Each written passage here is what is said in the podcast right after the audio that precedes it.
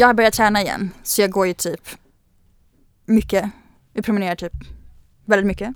Ja, en mil om dagen typ. En till två mil per dag. Ah, wow. Eh, för jag kommer ju alltid på att det är sommar för sent. Och sen så har jag ju alltid som mål att vara snyggare än någon annan sommar. Mm. Och sen så är det bara inom Men det är du redan. Tack, tack. Men eh, jag kommer att tänka på det för att många som tidigare liksom eh, velat träna utifrån någon slags revansch. Jag Mm. revanschar ju på mig själv varje år då istället. Men jag tror att killar har alltid kunnat inspireras av American Beauty och Kevin Spacey. När han tränar för att hämnas på sin familj och alla andra som tittar på honom och göra för att Just han vill se bra ut naken. Jag tror att någonting hände när han blev metooad. För det första så visste ingen tydligen, alltså alla straighta killar i hela världen visste inte om att han var gay. Det har jag vetat jättelänge. Ja, hallå, old news. Och när jag har sagt det till någon killkompis så har de varit såhär, nej det är absolut omöjligt Oda. Mhm, Han är inte förnekat det. Mm. Sen är han ju pedofil också, två. Mm. Vilket också är väldigt känsligt för killar. Ja. Eh, så jag tror att alla de här incelserna, så jag tror har kunnat inspireras av honom förut och haft honom som idol i just i träning och motion och sådär, förlorade en stor Förebild. förebild och liksom en del av deras- identitet i och med att han blir metooad och cancelled sådär. Mm. Och det tror jag är en jättestor förlust för alla dem. Mm, makes sense. För nu ser ju inte de här personerna bra ut längre. Liksom. Ja, de har De har ingen motivation. Det är inte Nej. så att någon tränar. Så ingen sån, eh, eller jag har i och för sig ingen aning. jag har inte kollat upp ifall det här förefaller samtidigt. Men efter att Kevin Spacey försvann så blev ju Jordan B. Peterson jättestor. Det det kan, finns ett samband. nej fast jag, jag kan inte, det är jag inte på nu. Man Man, behöver det- en... behöver sån där manlig ja, förebild. Som bara typ, Precis, men Jordan Peterson är ju intellektuell. Så, precis, han fungerar på ett annat sätt än Exakt. Kevin. Spacey.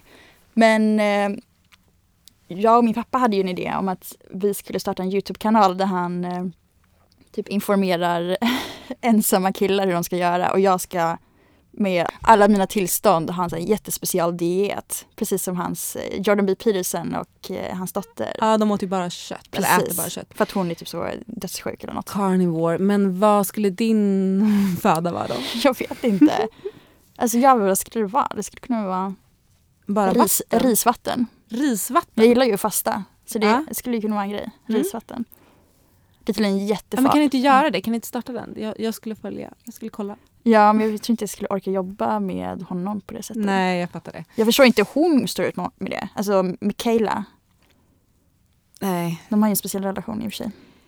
Ja, att det var väl hon som till slut slängde in honom på någon rehab för att han var så beroende av benzo. Det känns ju också som att hon fick honom att bli beroende. Ja, kanske. Men jag såg också att kettlebells ska bli uh, cancelled nu. Jaha, varför då? För att det är en Sovjet spetsnaz training teknik. Ah, såklart. Men Och säger inte ju det en del, är inte då man borde använda det mer? Det säger väl en del om hur bra det är? Jag kommer fortsätta använda kettlebells i alla fall. Just saying. Men jag, jag har i och för sig inte sett att någon har tagit det här seriöst. Det var bara ett skämt tror jag. Men det går, tåls ju att tänka på för mycket av den gymnastik och träning som finns i världen är rysk typ. Sant. Och kettlebells, ja i och för sig, vi kan nog leva utan. De är lite töntiga. Rätt bra för att träna bål och sådär. Svinga lite hit och dit. Men jag vill bara slå ett slag för skivstången. Det är det enda man behöver. Och vikter då givetvis. Mhm. Du behöver inget mer. Du behöver inte hålla på så de här crossfit-töntarna som springer omkring med ett jävla däck som de håller ovanför huvudet. Och sen så har Finns de de något fortfarande? Ja, tyvärr. Oj. Sats eh, Slaktis, där jag tränar, där är det någon slags crossfit-psykos. Ja men det är ju någon kult. Det är en kult Ja. och de står och svingar ett jävla rep. Och eh, det är alltid bara folk som jobbar på mediebyråer och ehm, Mhm. är eh, töntar. Så det borde förbjudas istället. Mitt problem med det där är att alla som håller på med det där inte är snygga. De kropparna, eller kanske också de Aha. kläderna på sig. Alltså det är inte en fysik som är åtråvärd tycker jag. Typ slänga däck. Mm. Man ser ju på en person ifall den slänger däck eller Mm. inte. It's not a good look säger jag bara. Det är också så hög skaderisk med crossfit. Mhm. Mm, för att Ja. man varvar ju kondition och styrka hit och dit. Och det är inte heller någonting som man ska göra. Antingen kör man styrketräning eller så kör man cardio. Eller hålla på och hoppa över någon hinderbana och låtsas att man är, kör combat style är in the army. Och ingen av de här människorna har ju ens gjort lumpen. Nej, precis. Det är jättestor risk att man skadar sig och eh, så det är bara att sluta med det på en gång. Det känns som att det också måste vara någon sån här eh, Wim Hof person bakom som har hittat på det där. Mm, men Wim Hof har jag ändå respekt för. Ja, Men, eh, men det är också måste kult vara- kring det. Precis. Men också när vi ändå är igång så vill jag säga sluta gå på sån här fake kampsportsgym som fightbox eller vad den heter. Mhm. Men Ska ni det... boxa så gör det på en riktig klubb som jag. Ja, Okej. ja. Ja, jag vill bara säga det. Jag tyckte det ändå var en bra idé med det här släckta lampor. Ja visst. Och nu kom jag ju på att jag hade ju en väldigt bra idé där under pandemin. Ja, att jag skulle... Jag frågade ju din bror om råd. Han är ju väldigt bra på... Han hänger mycket på gym och sådär. Vad man skulle... Alltså, du har så mycket kontakt med mina syskon vet, bakom min rygg som inte har någon aning om. Ah, ja, ha, alltså jag tänkte att jag skulle DJa på gym. Mm, det är jättesmart. Det är ju så bra idé. Mm. Nu när jag säger det så kanske någon snor det men ingen är ju så bra på att DJa som jag så jag tänker att det är lugnt. Men så jag, länge du inte gör det på ett här utomhuspass. Nej nej. Aerobics, eh, friskis i rålis typ.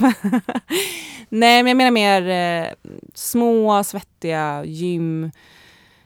Och så släcker man ner lite. Nej det är en så bra idé. Och jag har inte det har ju liksom inte varit så bra för mig efter pandemin som jag har pushats tillbaka ungefär fem år i min karriär. Så att jag måste ju ta igen det. Då tänker jag att jag istället för att spela på klubbarna bara ska spela på gym och så kan det bli min grej.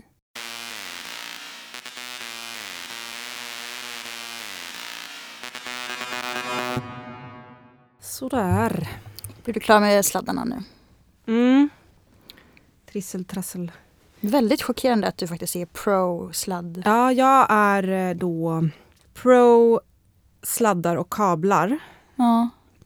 Därför att det blir alltid bättre ljud. Det går liksom inte riktigt att åstadkomma lika bra resultat i ett trådlöst samhälle. Men det är ju dit vi är på väg. Givetvis, jag förstår praktikaliteterna. Gud, jag tänker på de här uh, grejerna man gjorde som barn. Att man hade två burkar så drog man ett snöre med. Ja, just det. och blev helt, man blev helt mindblown. Ja, men det var typ alltid tvunget att ha, vara sträckt liksom. Ja, var det det? Att det ska vara styvt snöre. Tror jag. Men det känns ju som att det bara är eh, hittepå. Gud, vem kom på det? Smart jävel. Mm. Det kan det vara ett barn som kom på det. Ja, säkert. Eh, nej men jag skulle aldrig kunna leva i ett eh, trådlöst samhälle. Det känns helt... Eh, det känns typ farligt. Och också just det för att det är ju cancerogent med bluetooth-hörlurar typ. Mm. Och det tycker jag att man pratar om alldeles för sällan. Men hur eh, belagt är det?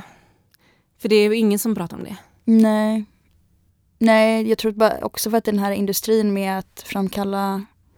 Det är för mycket eh, pengar tro- investerade jag tror i det. Mm, man Det mörklägger är dem. ju eh, den teknologin som, alltså bluetooth-teknologin då, som Neuralink bygger på. Bland annat. Mm. Och om man ska ha det i hjärnan då blir det som det blir. Varför måste man ha den där i hjärnan? Alltså, mm, Därför att den ska läsa av hjärnsignalerna. mhm. Ja men det, det där är också ett skäl till varför jag inte tror att telepati funkar typ. Du tror inte det? Nej, för att det inte är någon kabel. Tror du på energier? Nej. Jag tror att, och då är jag verkligen inte en new age-person, men jag tror absolut att man avger energier och det kanske är i form av hormoner, subtila dofter, whatever, som man inte kan uppfatta riktigt. Alltså om du kommer in i ett rum och någon precis har bråkat där, då känner man ju av det. Dålig stämning. Alltså det här är, det här är någonting som bekymrar mig mycket mer än, än att vi aldrig kommer få reda på ifall det finns liv i yttre rymden under vår livstid. Och det är vad sjätte sinnet är för någonting. Det är så synd. Ja. Men är inte det telepati då? Kanske. Nej, det handlar ju, alltså nej. Det där är väl bara att man tar upp så små signaler. Man är väldigt eh, uppmärksam fast man inte tänker på det. Alltså undermedvetet då. Ja, det är det. Men det som är fascinerande är ju att en energi kan hänga kvar. Jag tänkte på det när jag var i Berlin sist och besökte Stasi-museet. Mhm. Alltså inne i de här kontoren då, Mm. där de satt. Mm. Och inredningen är intakt. Man, man får se det precis hur det var.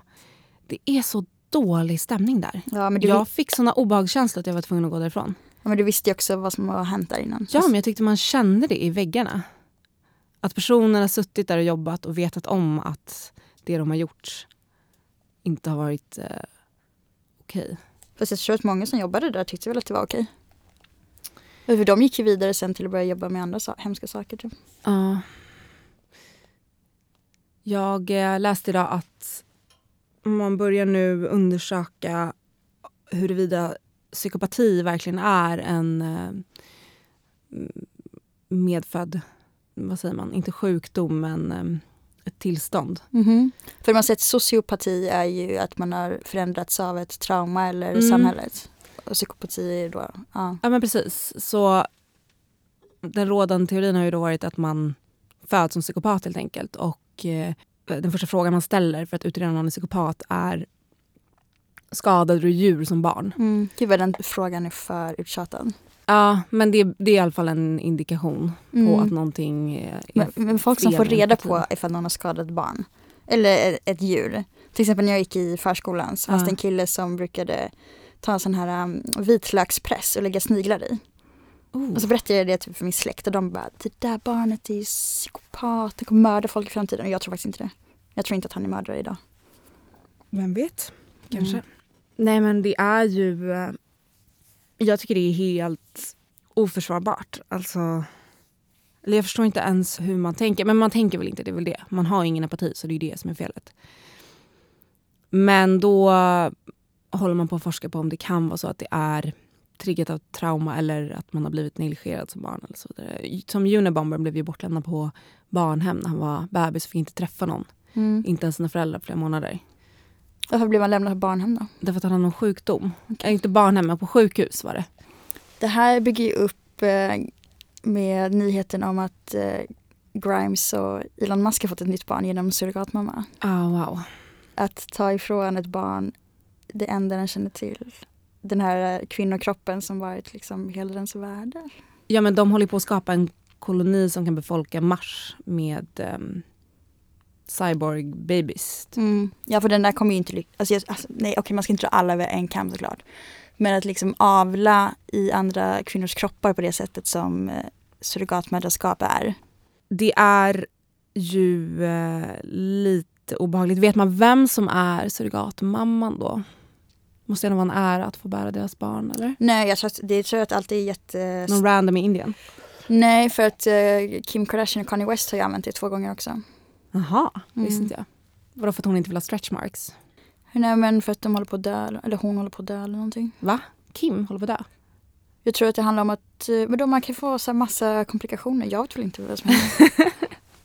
Gud vad hemskt. Ursäkter som ursäkter liksom. Ja. Så jag såg den här bilden på Grimes och Elon på röda mattan när de då outade sin relation. Och man fick en smärre chock. Jag är ju då ett eh, troget Grimes-fan sen flera år tillbaka.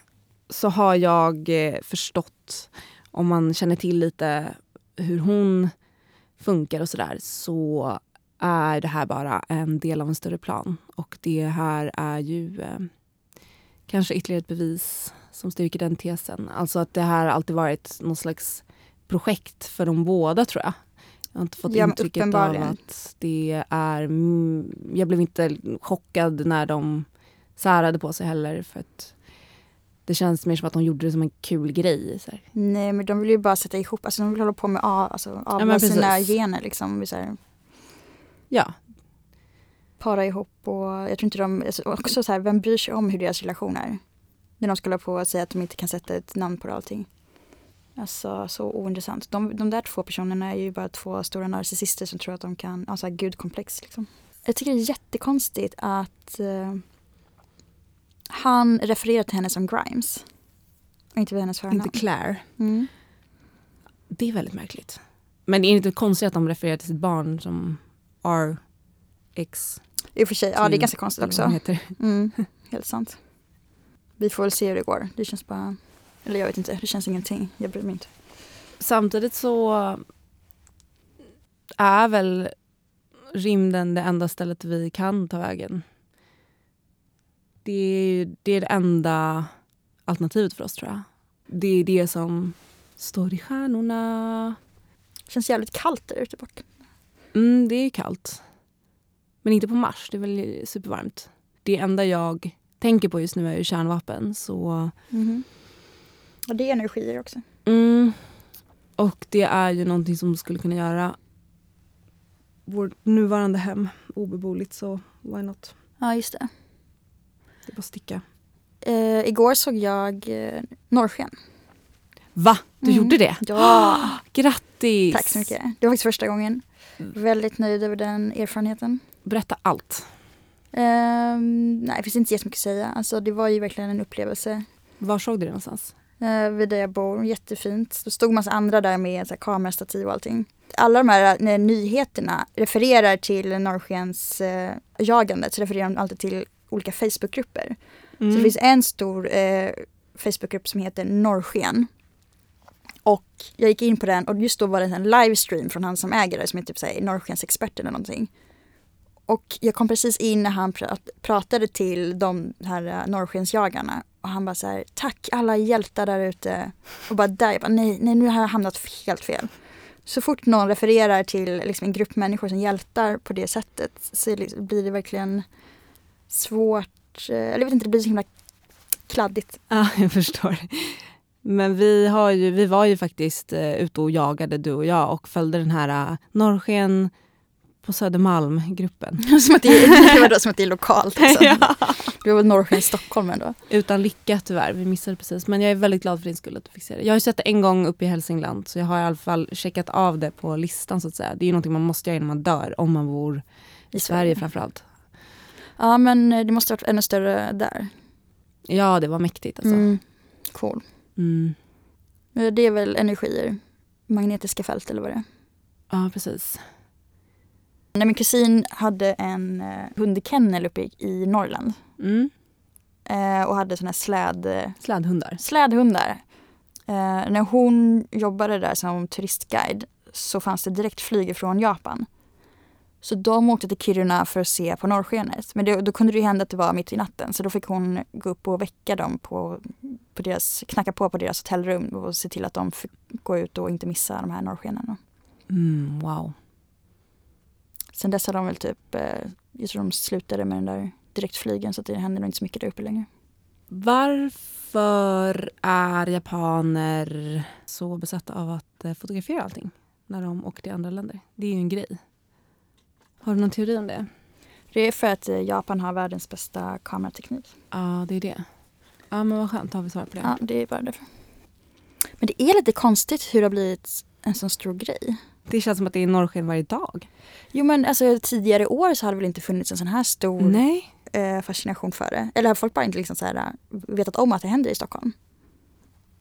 Men det är kanske undergången som är på väg. Det ser ju inte så ljust ut. Ja, om vi nu börjar bomba varandra med massförstörelsevapen. Men vad skulle norrsken ha med det att göra? Men det är ett omen. Från Aha, Gud, omen. eller Mm. något. Mm, okej. Det var ju som att första dagen på 2020 var helt blodröd himmel. Ja, ah, just det. Ja. Makes you think. Nej, inte riktigt. Men man får ju eh, förståelse för att folk tror på Gud. Alltså att folk gjorde det förut i alla fall när man inte hade någon annan förklaring. Mm.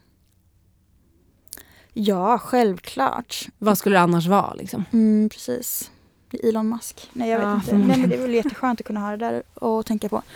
Jag satt faktiskt och läste eh, Dick Harrisons nya Bir- Birgitta-bok. Heliga Birgitta-bok. Ah, Jag hade helt missat att han kom ut med en förra året tydligen. mm.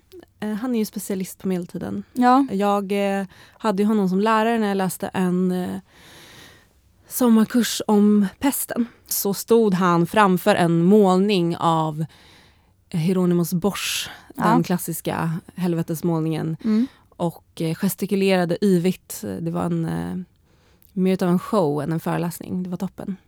Men alla i historiskt skrået, alltså mina professorer på universitetet var, eh, tyckte inte om honom alls för att han är populärvetenskaplig och det är inte så fint att vara det i, Mm. eh, inom Nej, Eh, eller heller. bland historiker. Då, då. Men det där är lite fånigt tycker jag. Alltså, I USA är det ju inget no shame in the game om du vill skriva en populärvetenskaplig bok och bli rik. Jag menar, det är det enda sättet att bli rik som akademiker. Men i Sverige så, är, så ser man ju ner på det. Nej men vadå, i USA så kostar ju varje studentlitteratur kostar typ så här 30 000 spänn. Typ.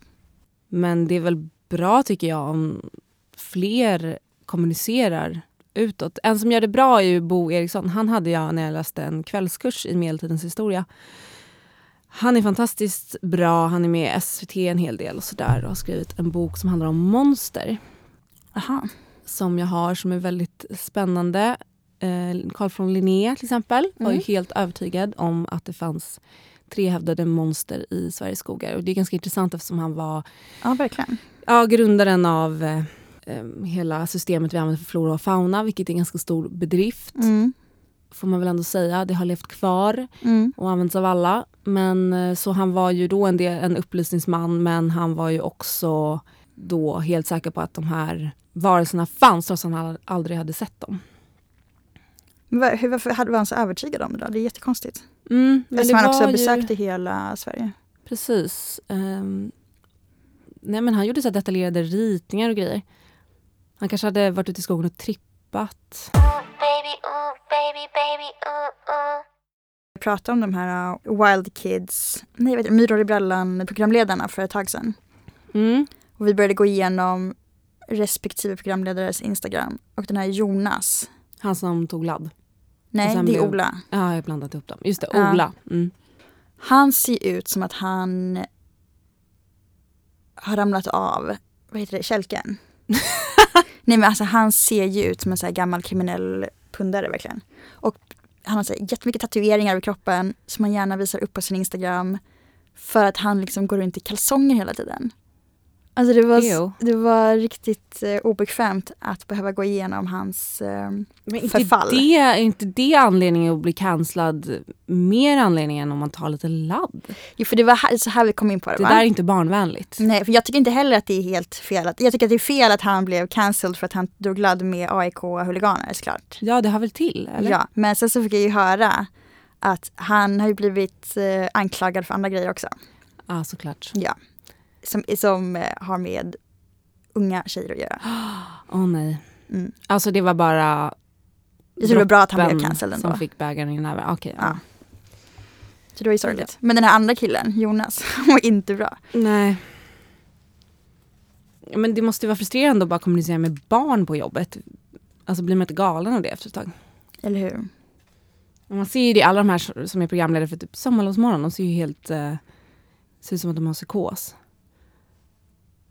Alltså jag kan bara, när jag kom, tänker tillbaka på när jag själv var barn, inte liksom komma ihåg att jag liksom uppskattade när vuxna pratar på det där sättet. Liksom. Alltså, du vet det här energiska sättet. Eller Ja. kände att jag liksom tyckte om dem på tvn för att de var så helt Du såg igenom bluffen. Ja, Det är också obehagligt att de börjar klä sig som barn. Att de har så här hängselbyxor och typ Mm. en randig tröja. ja, inte okej. Tobbe Trollkarl. Han är ju också unga tjejer tjusare. Klart. Mm, jätteäcklig.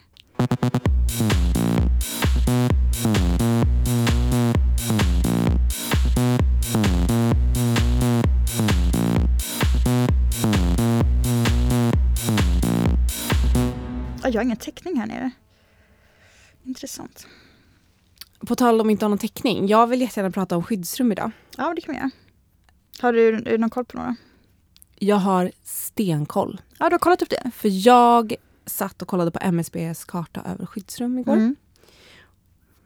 För jag tänkte att eh, jag ville veta vad mitt närmsta skyddsrum var och jag ville ha lite eh, översikt. Jag blev nyfiken. Hur många Mm. skyddsrum finns det egentligen? Ja, hur många finns det?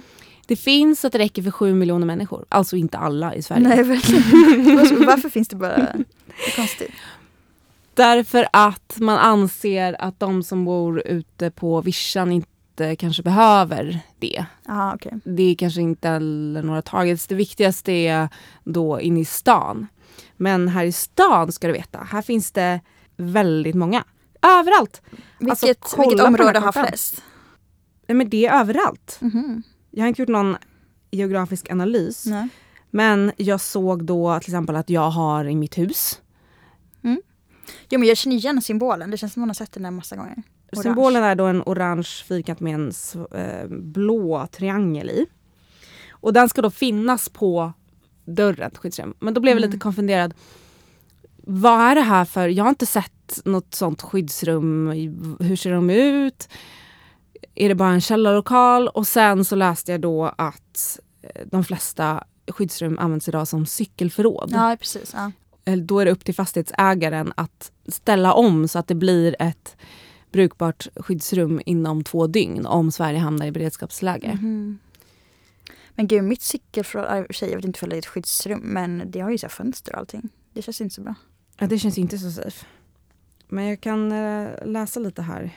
Vad ska man ta med sig till skyddsrummet? Man ska ta med sig en ficklampa, vatten, mat som tål rumstemperatur, hygienartiklar, toalettpapper, mediciner, första hjälpen-väska, varma kläder, värdehandlingar, id-kort och så vidare, nycklar, mobiltelefon, laddare eller powerbank. Eh, var går man på toa någonstans? Oklart. I en hink kanske. Men det ska finnas toaletter Aha. i anslutning. Men frågan är om shit goes down, alltså i bostadsrätter till exempel så är det ju bostadsrättsföreningen som har ansvar för det där. Jag har svårt att tänka mig att alla skulle hinna styra upp det på två dygn. Vi har inte varit i krig på 200 år. Nej. Och får jag ta med mitt husdjur till ett skyddsrum? Nej. Nej. Skyddsrummet är avsatta för människor och man får inte ta med det på grund av allergirisken. Och det här gjorde mig lite upprörd. Såklart. Jag har sett eh, många som har pratat om det. Ja men fuck allergier om det enda man försöker göra är att överleva. Ja. Vad ska jag göra med, jag vill inte lämna Avicii hemma. Nej men då får du väl vara med honom utanför liksom. Ja men då dör vi ju. Fast hellre dö med sin hund än utan. Ja jag tycker typ det min- minsta en människa kan göra är typ att dö för sitt husdjur. Ja det är fint ändå. Ja det är det minsta man kan göra. Mm. Ja, och sen ska det vara konstruerat för att man ska kunna vistas där i minst tre dygn. Ja vänta, jag har ju massa syrgas hemma. Jag kan ju ta med mig det till skyddsrummet. Ja, det är perfekt. kan man hålla ut längre. Jag tror ju inte att det är särskilt stor risk att Sverige skulle utsättas för en kärnvapenattack. Men jag har ju eh, tänkt väldigt mycket på kärnvapen och eh, läst om det de senaste dagarna. Det är typ det enda jag kan tänka på. Mm. Och det visar sig att Sverige håller på och förbereder sig på en eventuell sådan attack. Hur har det visat sig då? Man håller, jag vet inte, man håller på och pre- preppar. ja, ja, ja. jag vet inte vad man, jag vet inte hur man gör det men ehm, Nej, men jag, jag tänker bara på att Norge har de alltid vetat att man ska köpa jod. ja precis, och jod, jodförsäljningen ja, har tagit slut nu i, på alla apotek av den här anledningen i Sverige. Fast ingen har ju sagt det i Sverige. Vadå ingen har sagt det? Nej, I Norge så har, har ju myndigheterna gått ut och sagt det till dem. Mhm. Så att de har vetat om det. För att de, de har ett så officiellt prepping-kit som de eh, vet att det ska vara med i. Ja vad nice. Det känner jag att Sverige halkar efter lite på den. Mm. Man ska tydligen inte använda balsam ifall det är kärnvapenkrig. Hmm, För, för att det här fäster i håret och är svårt att få av. En grej som bara stannat med mig Mm. är en kvinna som var i Nagasaki som beskrev hur hennes skelett syntes genom handen. Ja det är äckligt alltså. Det är så starkt. Ja verkligen. Men eh, även om Putin eh, hotar med det här nu så um, kräver det ju att man eh, hittar ett mål då som där man inte har några av sina egna soldater till exempel. Och så är det ju inte i Ukraina, de är ju mitt i städerna. Mm. Så risken är inte så stor att han skulle göra det just där. Men eh, vem vet, något annat land kanske går in. De som har gjort det är ju USA. Det är ju bara de som har gjort det. Det är egentligen USA som är de mest... Man, man pratar om att Ryssland är lättkränkta men Att ryssarna är det, USA. Ja. Alltså i, i till exempel i Nagasaki så var ju alla, det var ju inga män där. Soldaterna var ju liksom ute i fält. Det var ju Ja. typ bara kvinnor och barn som dog. Pearl Harbor var ju ändå folk i militären. Alltså jag säger inte att de förtjänar att dö. Det var ju superhemskt det med. Men det här är ju så mycket grövre. Och att de gjorde det ju lite som ett test. De testade ju två olika typer av bomber. Den första hette Little Boy och den andra hette Fat Man. se proof of concept. Typ. Mm. Och så var det så här 200 000 som strök med. Men det avslutade ju kriget så Det fick väl också en massa efterföljande konsekvenser på eh, nya generationer. Eller den efterföljande generationen i alla fall. Jag tror inte att det var helt bara så att det bara var över sen. Ja, det är som eh, när jag var i Ho Chi Minh City i Vietnam och såg alla de här eh, tiggarna som hade bara en arm eller ingen fot eller Ja. whatever som var missbildade. Och det var ju tredje generationen Agent Orange som USA sprutade över, Mm. över dem. Eh, Så det är rätt obehagligt att det stannar kvar så länge. Alltså det finns ett jättebra datingprogram från Japan Mm. som heter Ainori. Som betyder typ eh, kärleksresan eller någonting. Ja. Och så åker de runt i en rosa buss genom olika världsdelar och så får man lära sig jättemycket om varje plats de besöker. Och sen så för att de ska bli tillsammans, eller få komma därifrån, så måste de liksom bekänna sin kärlek för en annan medpassagerare på bussen. Mhm. Men alltså måste bli kär i någon på bussen? För att kunna få åka därifrån. Okej. Så i typ senaste säsongen så var de i Afrika. Mm. Så var de i något afrikanskt land, jag kommer inte ihåg vilket. Men det är liksom nästan typ en tredjedel av befolkningen var missbildade. Så avsnittet heter i alla fall Ugandas ugliest man. Mhm. För att det har varit någon jättehemsk eh, anledning, krig typ, som har gjort att de har jättemånga missbildade där. Så det är något typ av kemiskt vapen? Ja, det finns jätte- jättemånga. Och då är det en sån som kommer på den här bussen? Nej, utan han bemöter dem i den här staden i Uganda. Så att de liksom, varje ställe de kommer till så har de en person som visar dem runt och visar typ olika saker som man inte kanske visste om. Typ sånt.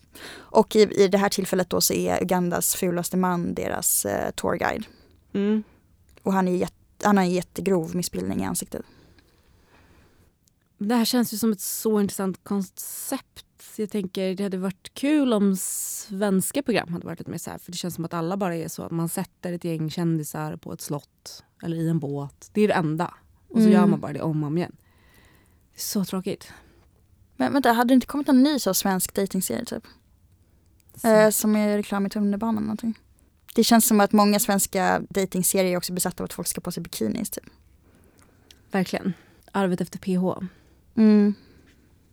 De ska tydligen göra om Paradise Hotel. Hur då? Ta bort alkoholen. Skoja! Oj, gud vad sjukt det hade varit. Wow. Fan vad tråkigt ska det bli då. Nej, jag tror det hade varit ganska intressant. Att då ska man bara sitta där och ha ångest. Ja. Och typ verkligen behöva ångra saker dagen Så jag tror inte de här människorna har ångest. De känns ångestfria. Alltså de, är liksom, de har inte Ja. li- tillräckligt hög intelligensnivå för att ha det. Eller? Det är faktiskt sjukt vad korkade många av de där är. Men de bara kör på. Men det, det är också lite befriande. Eller det känns skönt att vara bara så knulla, supa och så repeat. Men jag fattar inte liv. hur de personerna som jobbade bakom det där och liksom tar fram och har intervjuer med de här för att liksom sålla ut de absolut starkaste karaktärerna. Hur de liksom har det samvetet att, att skicka iväg de här framför kameran. Ja, men det är det här jag eh, inte gillar med reality. Jag, det har aldrig varit någonting som jag tycker är särskilt underhållande för det känns så eh, som lyteskomik nästan. Mm, verkligen.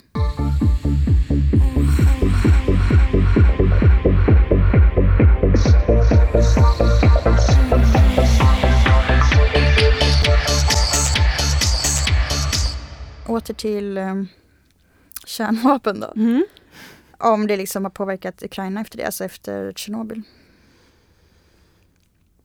Ja, jag tycker det är fascinerande att djur lever där. I Tjernobyl. Ja. Life finds a way. Som eh, Jeff Goldblum säger i Jurassic Park. Gud, jag känner en jätterik eh, Hongkong-kines som la upp på Instagram nyligen att hon hade varit där på sån här, sån här uh, turistresa. Social turism. Ja. Men inte det är ett ganska populärt resmål? Jag hade bara aldrig sett någon som jag känner som har gjort det där. Det är väl typ som SJs kampanj. Åk till eh, Ja. Europas eh, bästa resmål. Auschwitz. Och så är det en bild på typ en sko. Alltså det är så grovt. Det finns en Youtube-kanal med typ några helt otroligt dumma ryssar som håller på att göra typ sån här urban exploring by helt, de är typ jackass fast ryssar och typ helt, alltså saknar all form av ehm, Konsekvenstänk. Ja, och sen så tror jag att det är någon av dem som ser lite mer efter ut. Så kanske är lite kortväxt och har också lite så här äh, vet du, fetal alkoholsyndrom. Mm. Och han tvingas göra de värsta grejerna, som de, eller han typ gör det frivilligt också. I en av deras sändningar så är de i eh, Tjernobyl. Så åker de in på uppblåsbara båtar. Och sen så råkar de åka in någonstans som gör att de inte kan åka vidare. Så den här lilla kortväxta mannen får hoppa ner i vattnet i, Oh, Fast gud, det känns inte bra. och sen ha på sig typ så um, galonbyxor eller någonting. Och sen så tror jag att det liksom börjar liksom komma in vatten i hans eh, dräkt och sånt där. Oh, lever han idag? Ja, det är det som är så sjukt. Han, han mår jättebra. Okej. Men han kommer liksom inte kunna typ, få barn och sånt där. Nej. I guess. Ja, men det är väl också ryssar som klättrar upp på världens högsta hus och står och balanserar. Jag klarar inte av att titta på dem. Har du sett dem? Ja, det finns en kille som varit på Videos. Skrapan. Fast han är typ svensk, ryss. Nej, det är... Jag får... Jag har sån svindel att jag får... Jag klarar inte av att se det. Mm. Jag tror att de bara värdesätter livet på ett annat sätt. Liksom. Uppenbarligen värdesätter de det inte alls, eller? Alltså fatta att vara så nära Men man är ju det hela tiden. Döden. Jo visst, men att vara så hypermedveten om rör jag mig en centimeter åt fel håll så faller jag. Men det är väl kanske det som är kicken. I Det tror jag. Det tror jag absolut att det är. Ryser när jag tänker på det. Sant? är du höjdrädd? Ja, som fan. Aha, jag kan okej. inte gå längs staketet på Västerbron till exempel. Jag måste gå liksom så långt in som möjligt. Ja, det är problematiskt för det är cykelväg där. Ja, men som tur är cyklar jag inte. Jag hatar cykla. Du har ju min cykel. Den har blivit stulen. Va? Alltså att jag Du skulle hit. driver? Nej. Ifrån mitt, från mitt cykelställ. Nej men så här. Eh, Det var ju min studentpresent som kallades för prinsessan. att du har haft den hela tiden. Jag har haft den sedan jag var 18. Shit. Vad sorgligt. Ja, end of an era. Men det är ju fine för jag cyklade ju inte på den. Nej, men liksom jag märkte i somras, just för att det är, eh, som jag berättade, så är det fönster i mitt eh, förråd. Mm. i cykelförrådet. Och så upptäckte jag att det var på glänt en dag. Så gick jag in och kollade eh, att alla cyklarna står kvar. Och så bara okej, den är kvar här, det är inget- helt fine. Och Mm. sen så när jag kollade nu i höstas så upptäckte jag att den var borta. Så det är någon som har brutit upp igenom, eller tagit ut dem ifrån fönstret. För att min andra cykel saknas också. Min lilla vita. Men vi Ja, hittar en ny. tråkigt men eh, Vi hittar en ny. Jag, jag är med i en sån där Facebookgrupp man hittar borttappade grejer. Ja ja. Nej jag gillar inte att cykla. Jag har aldrig gillat det. Jag Du gillar ju elcyklarna väldigt mycket. Oj oj oj, jag skotrar fram som en... Som De har tagit bort vet du mycket. Har du sett de här nya? Va, vilken nya? Det finns en ny eh, sort som är blå och röd och jag trodde på riktigt att det var någon som hade tagit med sig en sån här vanlig sparkcykel någon barn, sån här Björns trädgård typ. Alltså de ser ut som sådana som man sparkar för hand eller manuellt. För fot. ja, Men alltså, okej, nej de är jätte, jättefula. Vad är för skillnad på dem? Det är också bara en eldriven skoter. Det är, de ägs säkert av typ något av de andra företagen ändå för att de vill köpa upp sina konkurrenter eller vad det är. Mm, säkert. Nej men det är toppen att swisha fram. När jag bodde i innerstan så åkte jag som fan. Men nu är det ju en, en gräns som går vid Liljeholmen så där finns det någon slags eh, kyrkogård för alla skotrar. Eh, Nej, man de har kan ju inte förlängt ta dem i ort. Aha, man, man kan åka i orten. De har eller? utökat den till typ, eh, jag vet inte vart, eller telefonplan typ. Ah. Men det är färre som åker nu i och med att det varit vinterhalvår och typ omöjligt. Men jag tror också att jag ser färre elsparkcyklar överlag. Alltså typ att de inte ställt ut så många. Mm. Eh, Men jag tror att det kommer säkert bli aktuellt igen.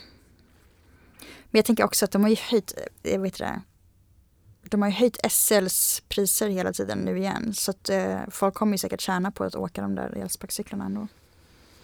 Jag åkte ju så mycket ett tag att jag fick ett mejl från Voi där de eh, erbjöd mig ett abonnemang. Ja, det är bra. Mm. Det är toppen, det är så kul. För det är ju billigare än SL, eller hur? Ja, Mm. det skulle kosta, vad var det, 500 eller 600 i månaden. Aha, wow. Så det är ju hälften av SLs Verkligen. pris. Jag såg en kille idag som körde en vanlig sparkcykel och sen en vuxen man. Alltså han sparkar med foten. När jag gick i eh, mellanstadiet så var det en, en tjej i min klass vars pappa och mamma hade precis skilt sig. Och hennes pappa gick, genomgick då någon slags här, kris och köpte en sån här sparkcykel som han kom och lämnade henne på skolan med. Och jag liksom försökte berätta för henne att det här var så sjukt och hon kunde liksom inte ta in det. Hon tyckte det var jättejobbigt med sina föräldrars eh, skilsmässa och allting. Men Åh. att jag bara, din pappa kom hit på en sparkcykel. Really? Ja, alltså visst att det är jobbigt att de skiljer sig men det här är ju värre. Alltså, Han kommer dit på en fucking sparkcykel. Fast vad, ja, vad är värst egentligen? Motorcykel? Det är väl en klassisk så skilsmässogubbegrej att köpa. Mhm. Alltså jag känner inte någon som har Det motorcykel. osar ju bara kris. Men eh, det, nej, det är ju ändå lite coolare färdmedel kanske. Jag är ju för övrigt eh, medellivskriskonsult. Så Mm. om det är någon som verkligen behöver råd då jag har en lång erfarenhet av nöjda kunder. Mm. Eh, och om det är så att man inte riktigt vet vilka nya saker man vill testa som kanske känns lite fel på något sätt så kan man ha mitt godkännande och sen ifall man ångrar sig efteråt så kan man bara skylla på mig. Det är ett jättebra, Perfekt upplägg. jätte, jättebra och det funkar alltid. Vad har du för metoder? Vad erbjuder du för... Jag känner ju av mycket då på deras energier, Mm. på vad de skulle kunna passa i, vad de har för ekonomiska möjligheter. Vad är liksom ett typiskt råd du skulle kunna ge eller har gett tidigare? Ja, till exempel så har jag ju eh, varit konsult åt eh, Tarek när han fyllde 40 och eh, blonderade sig. Mm. Det var mitt förslag. Det var ett bra förslag. Mm. Klädda honom. Och så vidare. Ja, alltså listan är ju jättelång. Handfasta knep helt enkelt. Mm, mm, Men det här skulle du kunna fakturera mycket pengar för. mm. Nej, men jag har tänkt på det ett tag nu att det är väl bra ifall man inte vet vad man ska göra. Liksom. Mm. Så kan man alltid fråga. Perfekt. Min mail är contact2oda@gmail.com.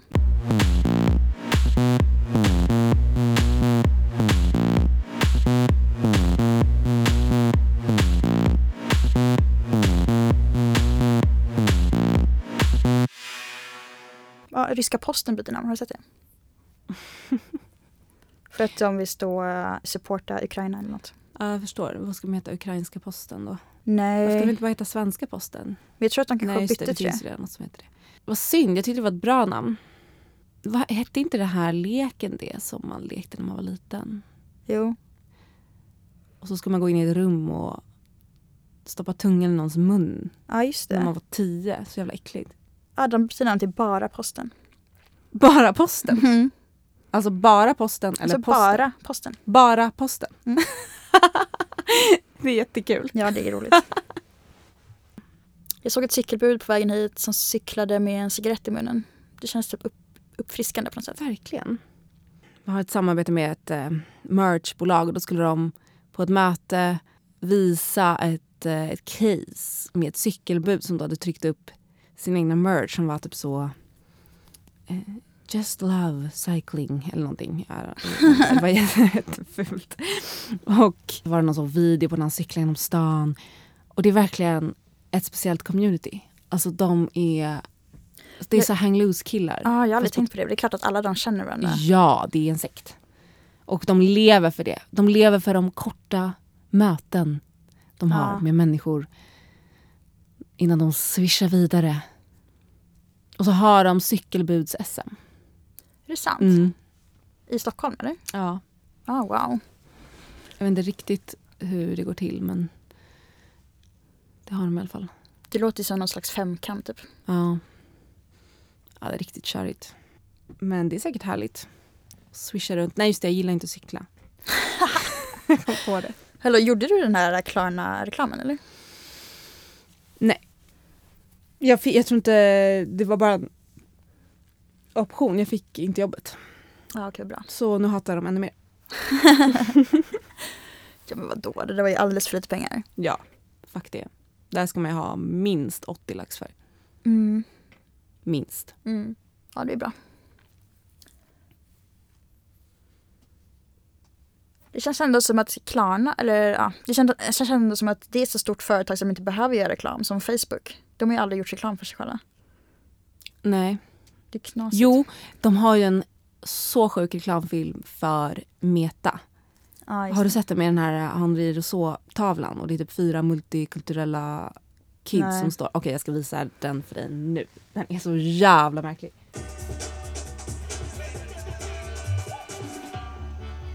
This is going to be fun, står det. Nej, absolut inte.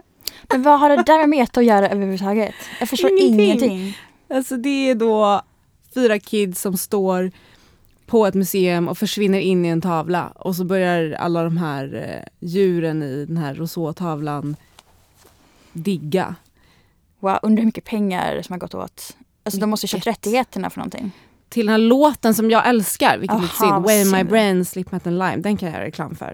Eh, Ja. För den är fet. Men gud vad sjukt. Osmaklig reklam. Mm.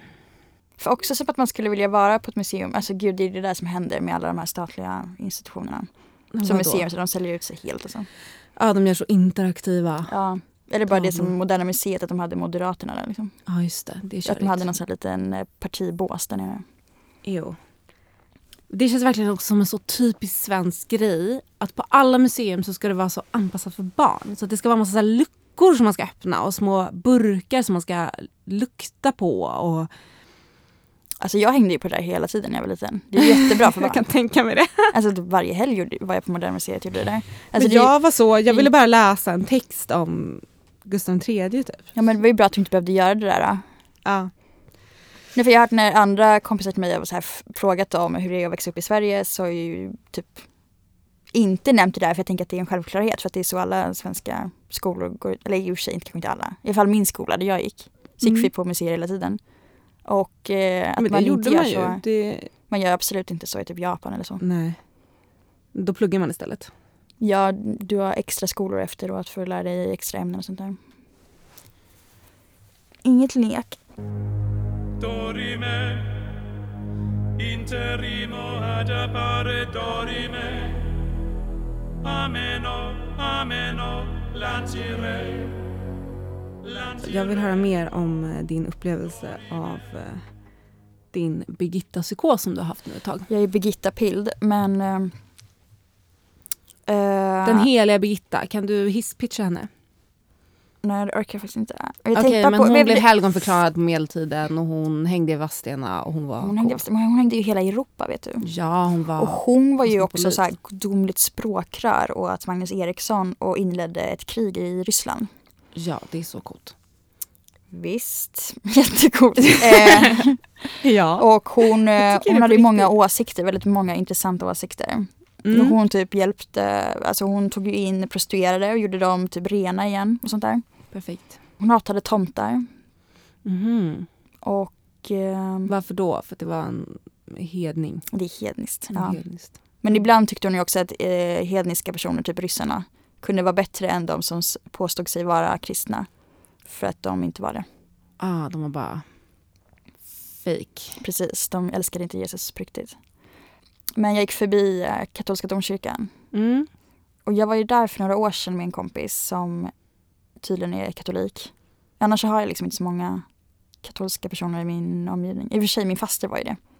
Hon Mm. konverterade någon gång. Det var lite konstigt. Men ja, ja, så jag följde med min kompis dit på någon sån här påsk. Det som är nu på påsken. Mm. Eh, någon sån här tidig mässa. Och jag säger inte nej till en ny kulturell upplevelse så jag följer gärna med. Och var svinbakis för första. Så mötte jag upp honom där utanför.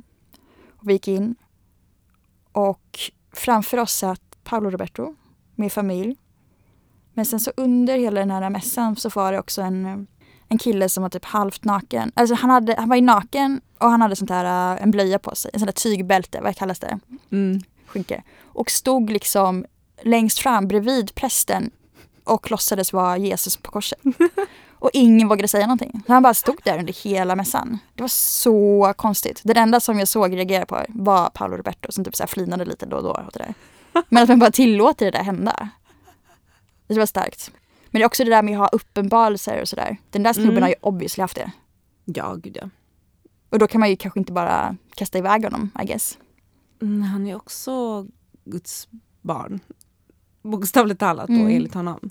Men det var väl en del av showen? Han kanske Nej, det tror jag inte. ett återkommande inslag? Nej. Nej.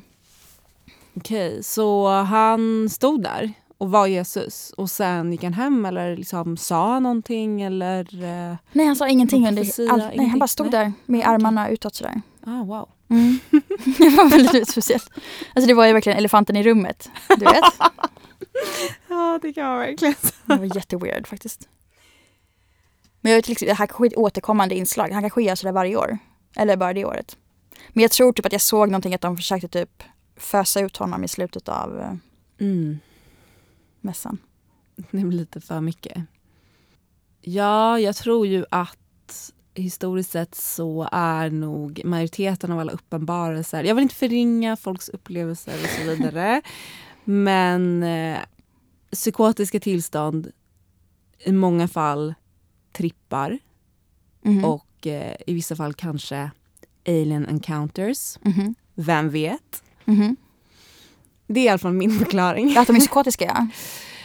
Ja, men klart. eh, också så finns det ju eh, den här boken som heter Sacred Mushroom and the Cross som eh, då framlägger tesen att man käkade jävligt mycket svamp Mm. eh, i det här området där Bibeln skrevs under den här tiden. Mm, Och mm, mm. du vet den här brinnande busken Mhm. som Moses såg.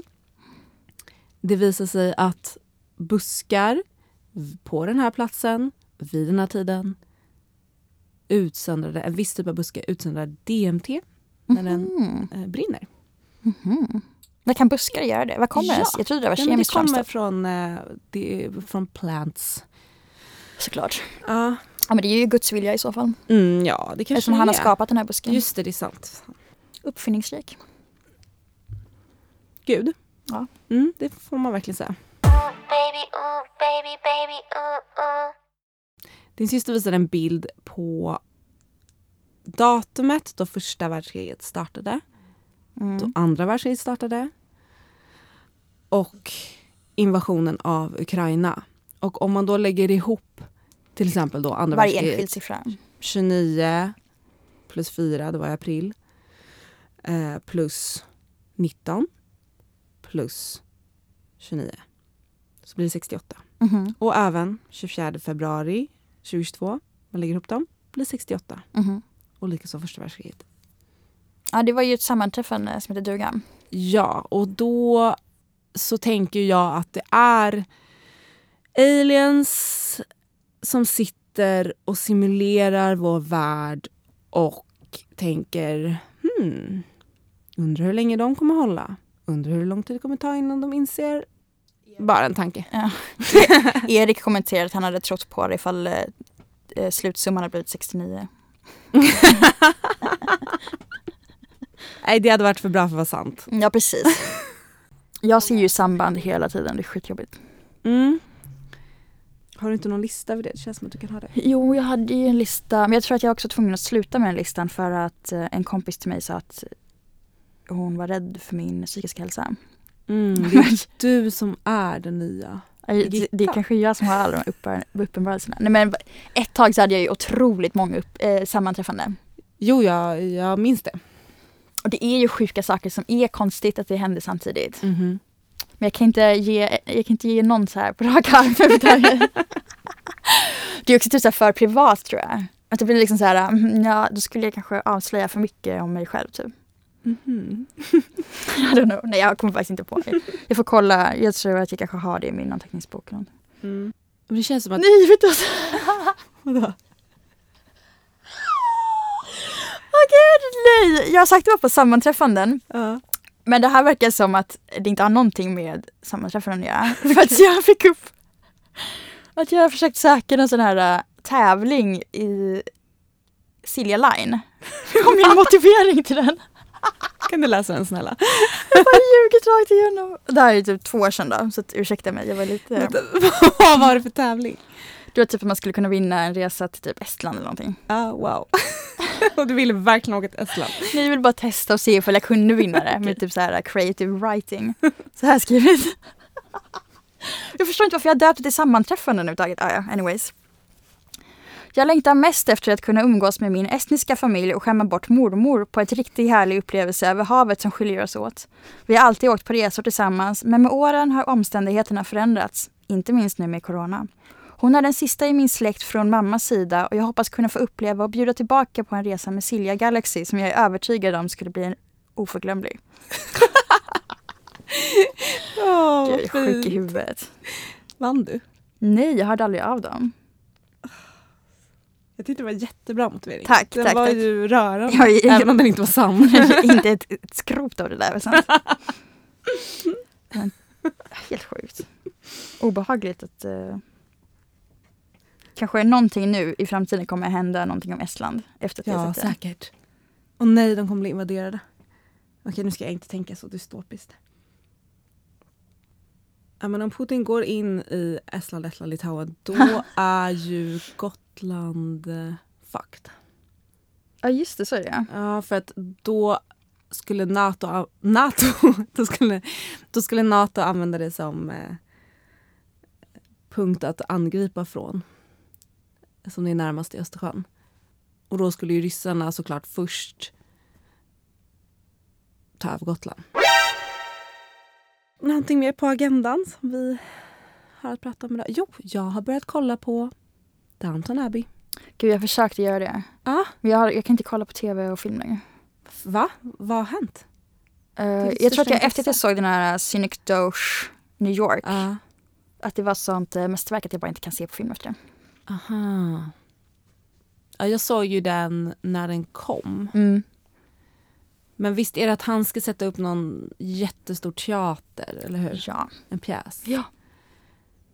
Philip Seymour Hoffman. Ja, den var bra, men den var lite ångestframkallande minns jag. Mm, jag älskar sånt här. Ja, det gör ju Det är också för att jag verkligen identifierar mig med alla såna hemska manliga huvudkaraktärer med typ massa sjukdomar. Mm. Och som tror att de är döende hela tiden. That's me. Ah, okej. Downton Abbey i alla fall. Ja. Det är motsatsen till ångest. Hur många avsnitt har du sett? skön miljö att hamna i. Bara ett och ett halvt. Okej, för jag började se första och så bara kom liksom inte riktigt in i det bara. Ja men eh, ge den till chans för det vore mysigt om vi kollade på det samtidigt. Absolut. Men det är också typ sex säsonger, är det inte det? Det är sjukt mycket. Men det är bara så som en representation av ett land som inte längre finns. Inte bara för att det är ett historiskt drama. Första avsnittet inleds dagen då Titanic sjunker Ja, just det. 1912. Det är ju på något sätt... Alltså UK är ju klassamhällets klassamhälle på Mm. något sätt. De är ju bäst på det där. Och Mm. de vill ju gärna hålla kvar i det där. De greppar ju efter halmstrån kan man säga nu när hela deras imperium har fallit och de är inte ens med i EU längre. Men det är fascinerande att se då hur eh, många ur tjänstestaben det krävs för att en person ska ha sitt morgonkaffe och så vidare. Mm. Jag har aldrig förstått deras lojalitet. Alltså man får ju ändå komma de här, eh, där tjänstefolket nära inpå och det förklaras med att många av dem har kanske inte några familjer att återvända hem till. De, alltså, Ja just det, sådär. Ja. de, det blir ju deras liv. Mm. Och deras lojalitet ifrågasätts ju. Jag, har ju. jag måste ju erkänna att jag har ju sett delar av den här serien förut. Jaha, Eh, när ja. då? Eh, ja, men i, i bitvis. Jag har hoppat in lite här och där. För alla har ju sagt till mig att eh, jag borde kolla på den för att jag är ju lite utav en kostymdram-tjej. Eller jag tror jag signalerar den, Ja. eh, det intresset utåt i alla fall. Och eh, det stämmer väl. Men jag bara känner ah, det brittiska det brittiska är så förbi. Allt som är brittiskt, alltså bara det att Sverige gått om nu i musikexport. Mm, just det, det sa Och att du. vi, ja, ja men precis, att vi har mest musikexport efter USA vilket är helt galet. Och sen så tänkte jag, hur mycket bra brittisk film görs egentligen? Typ inte så mycket alls. Alltså det finns ju några brittiska skådisar eh, som är stora i Hollywood och sådär, absolut. Men de, deras grej är ju tv. Ja. Men det är ju mest så deckarserier som går på SVT som James alla panschisar kollar på. Ja, James Bond, men det är ändå ett gammalt koncept får man väl säga. Mm. Det känns ju som att kulturen riskeras ju lite också med Brexit. Alltså, jag träffade ju en art dealer i Berlin som berättade att efter Brexit så har all konst, eh, hela konstbranschen flyttat över till Paris.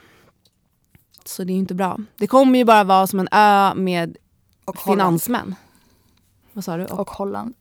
och Holland. Mm. Det kommer ju bli typ 28 days later eller bara en superrik liten ö som är helt isolerad. Inga britter är ju botoxade heller, som i Amerikat. Nej, men precis. Och då funkar det så bra med kostymdraman. Alltså annars kan man inte ha, man kan inte göra kostymdraman om man är botox. Det går ju inte. Det blir inte övertygande. Mm. Man måste göra rynkor. Det tycker jag känns eh, legit. Och jag kollar också på första avsnittet av Patrick Melrose. Nice, det är ju Mm. en väldigt bra serie. Ja, eh, nu har det släppts på SVT. Alltså typ fem år sedan efter att du berättade. Mm. Ja, jag fick ju verkligen en eh, Benedict Cumberbatch eh, efter. Mm.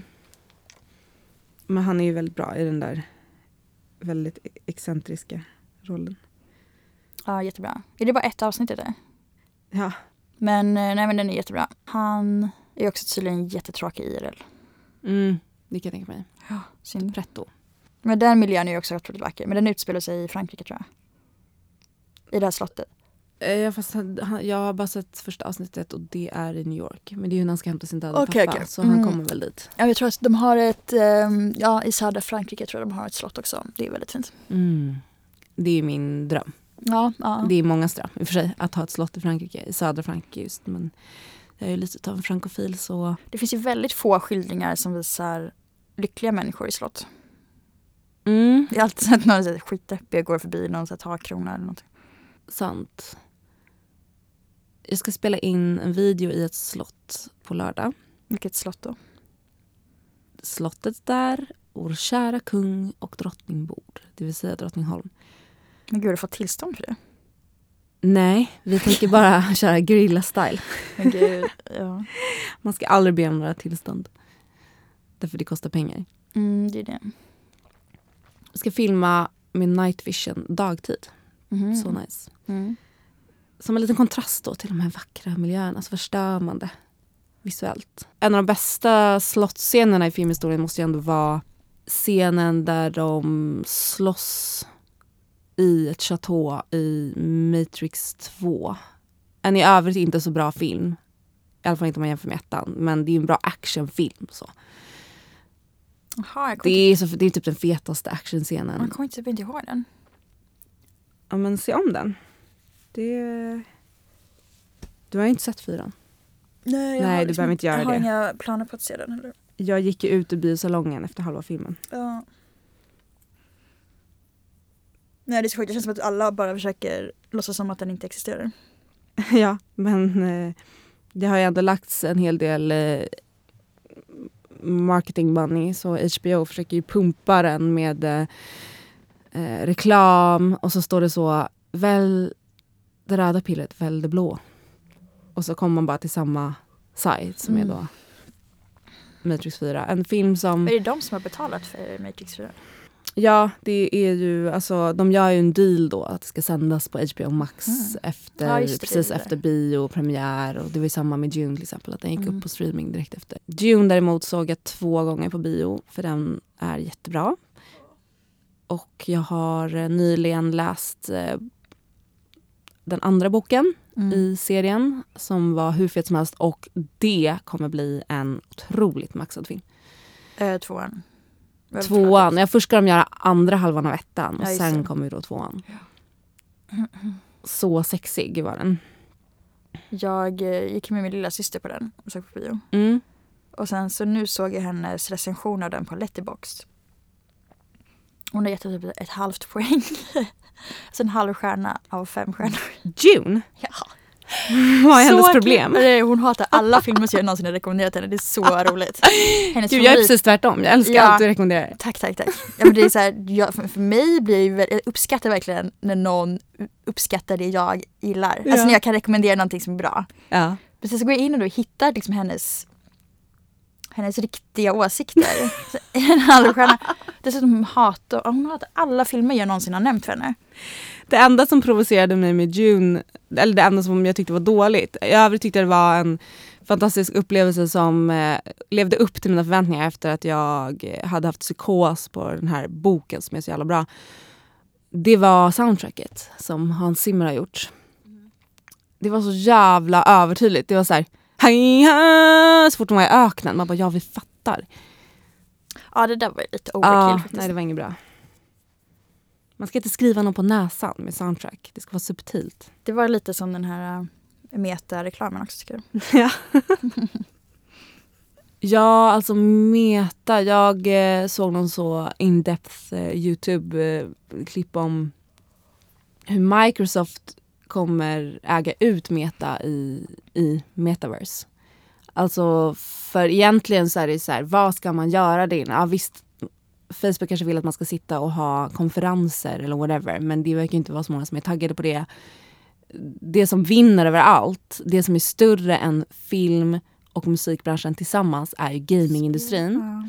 Och Microsoft har de senaste åren bara köpt upp alla stora spel, spelstudios. ja, just det, det är bra. Ja. Men varför skulle de vilja vara i Metaverse? Kan inte de vara någon annanstans? Alltså varför skulle Eh, de vilja vara på den plattformen? För? Men det är ju att alla vill vara på samma ställe. Du vet. Nej, men, alltså, metaverse i sig är ju liksom, kommer ju vara en alternativ verklighet eller vad man ska säga. Eller en virtuell verklighet. Som... Jag spyr. Jag håller på att somna. Jag tänker bara att i och med det här nya norrskensfenomenet och typ den eh, uh, kulten växte upp kring det så känns det som att fler och fler vill leva i verkligheten. Typ. Mm. Jag tror också att ju fler som tar psykedeliska droger, alltså, man kommer vilja bara vara närmare naturen. Jag menar eftersom det blir mer och mer accepterat i samhället. Får man väl säga. Det är ju ändå så att eh, min säkra källa eh, på Södra Latins gymnasium, det vill säga en tjej som går där som är cool nu, som vi var när vi gick där. Eller ja, när du Skitsamma. lajvade att du gick där och jag gick där. Jag har inte ens gjort det, det är andra som säger att jag Ja där. precis. Du, det är så himla- det är ju verkligen du som har vunnit. Du har sluppit gå där och ändå så får du um, cred för det. Det de gör är att de ses på helgerna och tar syra. Mm. Och det gjorde ju inte vi när vi var i deras ålder Nej. direkt. Så det känns ändå hoppfullt för att om jag tittar på de som jag gick i skola med på gymnasiet så är ju de nu jobbar på UD och FN och kulturredaktioner eller whatever. Ja just det. Så det känns ju förhoppningsvis så att generation Z kommer vara lite mer upplyst eh, samhällsbärande kraft. Men jag tror också att det här med, som vi pratade om, skyddsrum hit och dit. Man ska väl bara flytta ut på landet för att slippa man ens tänka på skyddsrum. Alltså det enda är ju att vara nära naturen, kolla på norrsken, vara bland skog och mark. Det är det enda rimliga egentligen. Och nu kan du ju sköta ditt jobb från en fucking laptop. Det spelar ingen roll. Jag tror, jag har ju förutspått det här i 10 plus år, men att den riktiga gröna vågen Mhm. kommer komma. Jag tänkte att det skulle komma efter pandemin, men... Ja det tror jag också den kommer göra. Mm, Det är alla nya antivaxxers och sådär också. mm, Som är typ bara så hippies egentligen. precis. Men eh, alltså grejen med Facebook är ju att det bara är boomers där. Så de som Ja. kommer vara på Meta kommer ju också bara vara så här, hur sätter jag på den här mikrofonen typ? Precis, och det är det som är deras problem. Och det är därför deras aktie går ner. För att de tappar ju användare och de har inte kvar användare som är yngre än Nej, 50. nej precis. Så det kommer aldrig gå. Eller det kommer inte bli bra. Jag tror inte heller det kommer bli bra. Och jag bryr mig inte heller. Men de äger ju Oculus som fortfarande är liksom den bästa gear eller ja, top of the line gear som Gud, finns i vem håller på med Ja, det är det som är frågan. Alltså när VR blev en hype för några år sedan så var det ju, eh, trodde man ju att alla skulle ha ett headset hemma. Det? Ja, gud. Men det var ingen som skaffade det. Vanföreställningar. Ja, verkligen. Alltså gud, det är verkligen så naivt att tro att hela världen, alltså att, att, man skulle ha, att det skulle vara lika vanligt med en eh, VR-headset som en typ en TV Ja, Speciellt när hemma. den kostar sju lax. Helt sjukt. Fast man betalar för sig det för en iPhone men det eh, visar ju sig att det kanske snarare är någonting som är kul en stund och ingenting som Mhm. man försvinner in i någon slags ready player unknown samhälle. Gud vad den filmen var dålig också tycker jag. Ja, den var ingen bra alls. Ja, hur som helst så tror jag att vi i själva verket bara vill tillbaka till den fysiska verkligheten. Och jag hoppas det för att eh, då kanske man gör den bättre än vad den är just nu när vi typ bränner Amazonas och odlar där. Ja, gör vi det fortfarande? Jag har helt Som missat det där. fan. ja. Okej. Ja, men det är han Bolsonaro. Han bara kör på, meja ner regnskogen. Det kommer ta flera hundratusentals år att återhämta sig. Man kommer förmodligen aldrig göra det, men man kör. Det är i alla fall skönt att den här teak och mahogny-trenden i inredning som var poppis för typ tio år sedan och typ, hos typ så par i Aspudden är död. Gud, jag har helt missat det där också. Det är så fult med så stringhyllor och 60-talsmöbler. Men gud, Clea, jag kommer ihåg när vi bodde tillsammans och du var jättenöjd att du Jag skaffat en, en stringhylla. Jag hade bara, så fan är det här ful inredningsstil. Ja, du gjorde verkligen en stor grej av det. Jag skulle ha den på väggarna. Ja. Den skulle vara precis ovanför min säng. Ja, så här, måla om den. Okay. Har du kvar den eller? Nej, nej. nej men också typ mässing. Det är det värsta som finns i inredning. Mm. Jag kommer ihåg den här ananaspsykosen. Det känns nästan att den liksom finns kvar för att den gör sig påmind hela tiden när man går i second hand butiker eller sådär. Ja, tyvärr. att alla de här ornamenten bara är kvar som jättekonstigt. Ett eko av en ananaspsykos. Nej, men det blev för mycket. Alltså, en ananas i mässing. Va- varför blev det ens en grej? Men det är många grejer som blir en grej i Sverige som... Alltså det är inte ens kul. Alltså, alltså, all, Hur många kan ha ananas som internskämt? Alltså då är det bara såhär brain dead. Alltså, Ja. på riktigt.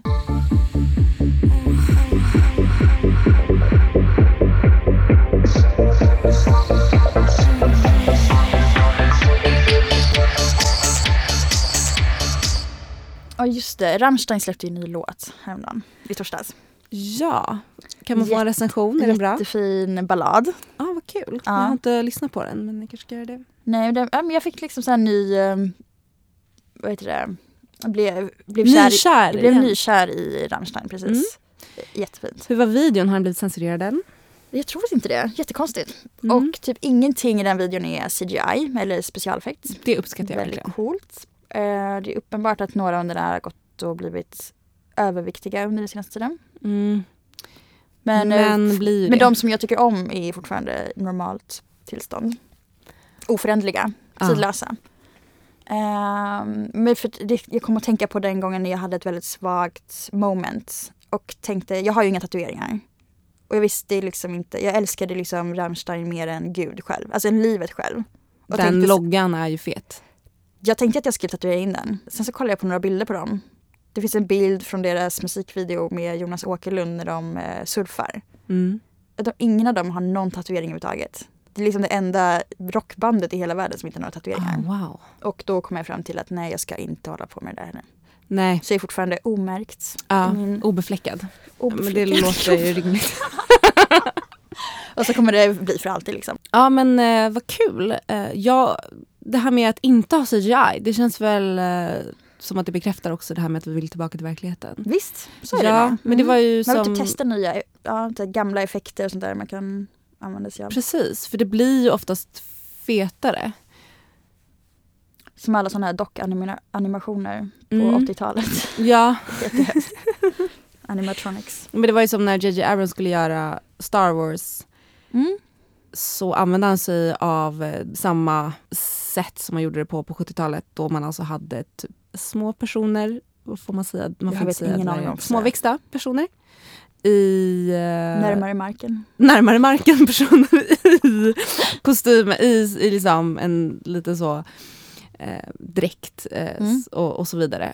Och eh, allt var på riktigt. Och man Mm. hade små modeller av Millennium Falcon och alla rymdskepp och sådär. Och det blir ju fetare. Och då gjorde han det också och det uppskattade jag. Men jag måste säga ändå att jag såg om den nyligen och efter att ha sett Dune, som då är inspirationen till Star Wars, för Dune kom ju innan allt det här, så är den inte lika fet längre för man ser vad de har tagit därifrån. Mhm, mm, ja, det är klart. Men Hur som helst så ser jag väldigt mycket fram emot Obi-Wan Kenobi. En ny serie med Ewan McGregor. Han, alltså the original. oh my god, apropå kills, äh, killars tjejsmak. Ja. Han var ju gift med sin fru i typ 25 år och sen lämnade han henne för en tjej som såg exakt ut som henne som ung. Som Åh, han nej, var med hemskt. och gjorde den här Fargo-serien med. Alltså det är så sjukt hur lika de två var. Åh, hur mådde hon då? Nej, men du kan tänka dig. Jag vet inte. Men ja. Men jag älskar ändå honom. Alltså, han sjönk så mycket i mina ögon efter den här incidenten. Ja men jag har inte koll på kändisskvaller så det går mig förbi. Men som skådis, han är ju väldigt bra tycker jag. Eller han känns sympatisk och trygg på något sätt. Han tappade allt förtroende och trovärdighet efter den där grejen. Ja, jag är beredd att hålla med att det Det Och det känns var liksom ju... väldigt public på Instagram och sånt där också. Ja, det känns ju inte bra. Hur gammal var hon då? Säkert 23 när han träffade den nya. Jag tror att den här magiska åldern för unga kvinnor som är extra attraktiva hos äldre män är Mm. typ 27-28.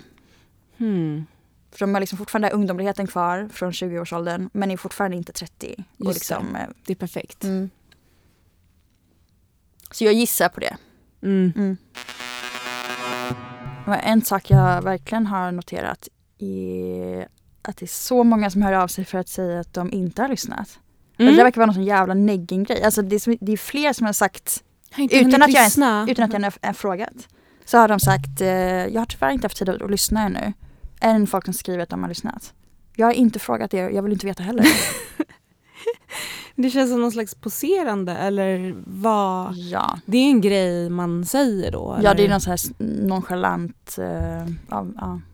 Vi vill i alla fall tacka för all